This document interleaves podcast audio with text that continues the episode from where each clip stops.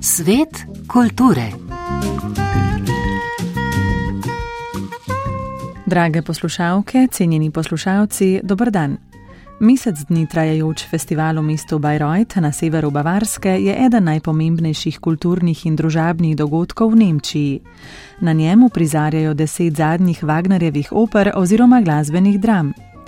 Radio Slovenija se v neposredne ali odložene prenose iz Bajrojta vključuje že od leta 1951.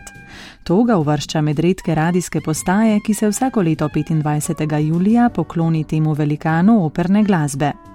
V neposredni prenos iz Bajrojta se bomo vključili jutri, več o tem v nadaljevanju odaje, v kateri poročamo tudi o razstavi Urbana narava, oblikovalk Nataše Grandovec in Martine Obit Mlakar. Ostanite z nami.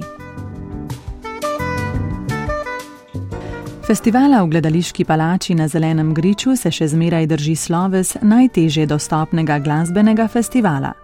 Tako vas bo danes kupljena vstopnica postavila v dolgo čakalno vrsto. Vrata Bajrojtskega gledališča se vam bodo odprla šele čez kakih deset let. Z radijem Slovenija pa ste lahko v prvi vrsti. Program Ars bo kot vsako leto prenašal uvodno predstavo, ki jo lahko spremljate jutri, z vami pa bosta Lidija Hartman in Dejan Juravič. Na mesec dni trajajočem festivalu v mestu na severu Bavarske, na katerem se bo letos zvrstilo 31 predstav in dva koncerta, je eden najpomembnejših kulturnih in družbenih dogodkov v Nemčiji. Na njemu prizarjajo deset zadnjih Wagnerjevih oper oziroma glasbenih dram, cenovni razpon vstopnic za festivalno hišo, ki sprejme nekaj manj kot 2000 gledalcev in so jo aprila pred petimi leti dokončno prenovili, je od 11 do 459 evrov, kolikor znaša najdražja vstopnica za otvoritveno predstavo.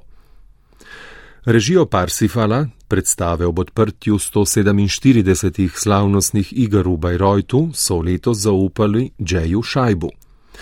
Letošnja postavitev bo deseta v zgodovini festivala, dirigiral bo Pablo Eras Casado, v naslovni vlogi nastopa Andreas Šager, za zdaj pa še ni jasno, ali bo v vlogi Kundri nastopila Elina Garanča ali Ekaterina Gubanova.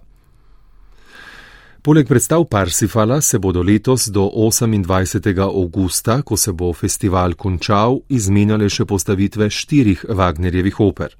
Tristan in Izolda bo na sporedu dvakrat, Nibelungov prstan trikrat, ter Večni mornar in Tannhäuser, ter Večni mornar in Tannhäuser petkrat. Festival nadaljuje tradicijo nemškega opernega velikana, ki si je zamislil, da bi v lastnem gledališču prizarjal izključno svoja dela. Festivalno hišo v Bajrojtu je zgradil s podporo kralja Ludviga II. leta 1876 in od takrat, z nekaj umestnimi prekinitvami, vodstvo festivala, ki je še vedno v družinskih rokah, uspešno nadaljuje izročilo slavnega prednika.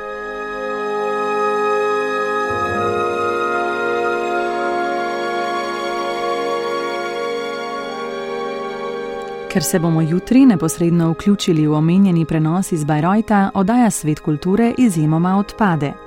Vabljeni v našo družbo spet v sredo.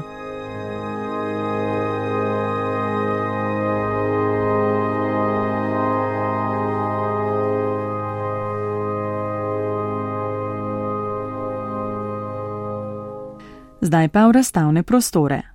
V galeriji Artkit na Mariborskem glavnem trgu je na ogled majhna dragocena razstava umetniškega nakita oblikovalk Nataše Grandovec in Martine Obit Mlakar, ki sta van ujeli sprehode po Mariboru po njegovem zelenju in značilnostih. Pri enih kosih je treba poiskati globljo povezanost mesta in narave, z drugimi pa sta ponazorili nekatere znamenitosti. Zato bo ta del razstave Mariborčane zagotovo nagovoril drugače kot obiskovalce od drugot. Prispevek Irine Kodrič Cizeral. Gre za poseben poklon mestni naravi, razložita oblikovalki, tako Nataša Grandovec. Mislim, da, da še nihče ni tega naredil, no se ne da bi jaz vedela. Um, tako da meni se je zdelo lušno, da, da izpostavim v, v mediju, ki, s katerim delam, uh, da izpostavim ene vedute, ker imamo ogromno lepih. Uh, detajlov in vsega, se mi zdi fino, da potem lahko daš to na sebe in nosiš ta nakit, ki je v bistvu en poklon mestu. Ja, meni se pa zdi, da je to neko lahko povabilo na sprehod skozi mesto Maribor in tudi povabilo k razmisleku, da ta narava v mestu Maribor ni tako samo po sebi umevna, da se jo dotikamo lahko tudi na grob način in povabilo, da se jo dotikamo na bolj spoštljiv način. Pa je dodala Martina Obit Mlakar. Nakit od nosilca nosilke zahteva tudi nekaj poguma, od ustvarjavk pa dodaten razmislek. Seveda sem razmišljala o Mariboru, pa z Natašo smo veliko o tem govorile, ampak potem sem se kar vrnila k nekim zgodbam. Nehote sem videla, da me neke zgodbe že dlje časa spremljajo in drevesa so mi nek tak, pa drevored, nek tak meditativni prostor, pa tudi tako čislikovno so mi izzivane, kako mogoče ali dvodimenzionalno narediti ali potem pretvoriti v trodimenzionalnost. Ne? Um, narediti neko skulpturo, ampak vse, vse je, da nagovori nekoga, da jo nosi, to mi je bil izzivno. Materiali so različni. Kateri vse, gospa Grandovec? Mislim, da prevladuje srebro, največ je srebra, potem so tukaj zlati detajli, čist za eno kontrast srebru, potem pa sem tudi les uporabljal, bakar, pa seveda pol dragi kamni, kar nekaj vijolične barve. v bistvu se mi je ena taka, svojka malo bolj humorna nota ne, na ta vijolični Maribor. Ne. Tako da imamo vijolične kamne, ki lahko predstavljajo grozdje, ne, Mariboru, potem vijolični hrib s piramido, malo mal, mal heca. Ne. Posamezni kosi so na ogled pod steklenimi kupolami, razvrščenimi na dvignjenem stojalu s kamenim drobirjem, ki spominja na pot. Martina Obit Mlakar. To je res prvotno bila neka razpoka v mestu, iz katere lahko požene in tudi požene narava, hkrati je pa res lahko tudi sprehod, res to povabilo, pot skozi mesto in nagovor k opazovanju narave, uživanju tega in najnega nakita. Postavitev spremlja video s posnetki iz najrazličnejših perspektiv, to pa omogoča, da začutimo tudi material. Delo ni bilo vedno preprosto, izkušnjo izdelave broške opiše Nataša Grandovec. Ja, moj je ta definitivno eh, park, poti v parku, ker mislim, da sem ga dva meseca delala. No. Res ima ogromno detajlov, ki se ponavljajo, ampak eh, da tvorijo neko celoto. No. Ti se mi zdi, da, da potem zgleda kot ena čipka res kot poti v parku, ti se mi zdi, da je naj, najzahtevnejši. Ja, ne bi ga še enkrat ponovila. Oblikovalki sta sodelovali že pri več projektih skupaj in z njimi rasteta. Z Mariborsko razstavo pa želita javnosti pokazati, koliko navdiha, premisleka in inovacij je potrebnih za izdelavo umetniškega nakita ter opozoriti, da ima prav zato primerljivo vrednost s katerim koli drugim umetniškim delom.